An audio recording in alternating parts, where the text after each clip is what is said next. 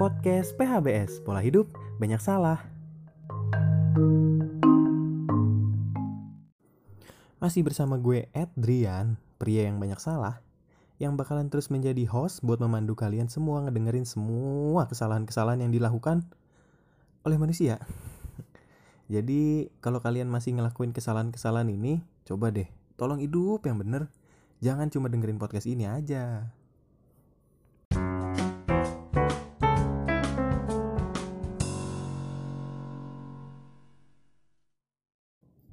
Pola-pola kesalahan yang dilakuin sama manusia normal, kali ini judulnya ruang tamu. Sebenarnya, seberapa menariknya sih emang kesalahan yang bisa ada di ruang tamu?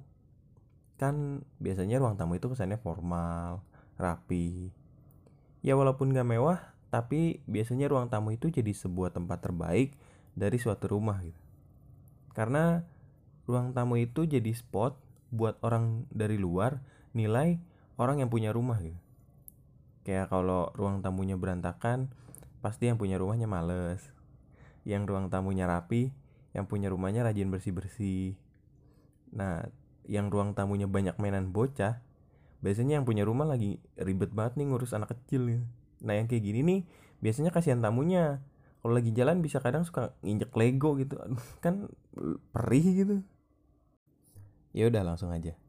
Yang pertama kue kering atau snack atau makanan ringan. Ya rumah lo nih pada nyedain cemilan gak sih buat tamu gitu? Kecuali event lebaran ya. Kayak gue pribadi emang gak ada masalah dengan cemilan atau snack yang ya apa pun lah namanya kalau kita lagi namu ya. Ya masa milih-milih sih? Ya minta snacknya cangki bar dong. Atau iPhone 11 gitu. Ya kan gak mungkin juga. Nah masalahnya kadang nih ya ya kadang aja.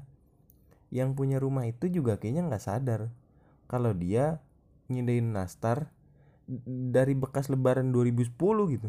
Ya ya mau gimana? Itu kan 10 tahun yang lalu tapi dia nyuruh ayo dibuka itu dimakan. Ya. Kayak katanya katanya itu emang template aja gitu dari 10 tahun lalu buat orang yang namu ke rumahnya.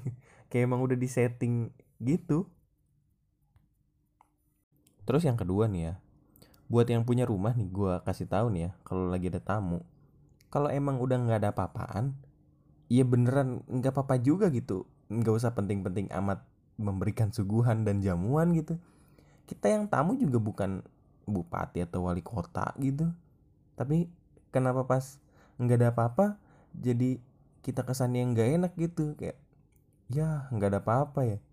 Ya ya udah iya gue ngerti gitu. Tapi kenapa malah kesannya jadi kayak ngajak patungan gitu? Ya nggak ada apa-apa lagi. Iya ya udah goceng pertama lah. Lah kenapa jadi kayak bertamu sama tongkrongan anak STM gitu? Dikit-dikit patungan dikit-dikit solidaritas nggak enakan gitu. Yang ketiga tamu yang gak tahu diri. Entah kenapa kalian masih nemu atau masih inget nggak sih? Ada beberapa tamu yang masih suka kayak serak-serak ahem-ahem gitu kalau lagi namu ya kalau emang biasanya lu namu nggak disuguhin ya bekal aja udah dari rumah gitu. Kenapa jadi aham aham aham aham mulu gitu? Kalau emang lo udah bertamu 10 sampai 15 menit tapi belum disuguhin apa-apa ya ya berarti lu tandanya jangan namunya jangan lama-lama gitu. orang rumahnya mau pergi. Ya ini mah udah 10 sampai 15 menit pertama enggak disuguhin aham aham lewat setengah jam ya, tamunya mau mau ngapain gitu mau mau nyekrim gitu lah berasa yang punya rumah lagi nanggep band metal pas lagi sunat gitu. Terus yang keempat, ruang tamu itu kadang jadi tempat paling talkable buat para perempuan atau ibu-ibu nih memulai suatu pergunjingan masyarakat. Kayak kenapa ruang tamu ini jadi studio untuk ngomongin orang lain yang gak datang atau belum datang gitu di di acara arisan misalnya nah kalau emang yang jadi topik utamanya enggak hadir enak aja gitu ngobrolinnya kayak lagi bahas rumor One Piece nah permasalahannya kalau yang diomonginnya datang gitu kan kelihatannya orang-orang itu tuh jadi kontradiksi banget gitu kayak di matematika kelas 11 nih gue pernah ketemu nih Ani membawa payung.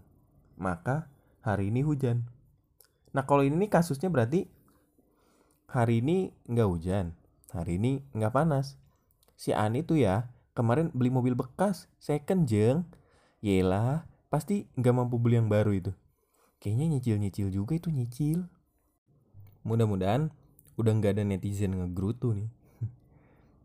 Ruang tamu itu seharusnya jadi spot terbaik buat lo semua berbagi kebaikan ke orang-orang di luar yang emang udah jarang ketemu dan masih mau berkunjung.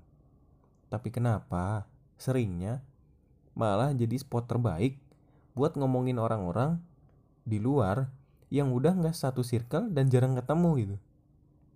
Segitu aja kesalahan-kesalahan yang bisa gue bahas karena masih sering dilakuin gitu oleh manusia-manusia normal di ruang tamunya mereka. Jadi gue Adrian pamit undur diri. See you on the next podcast. Bye.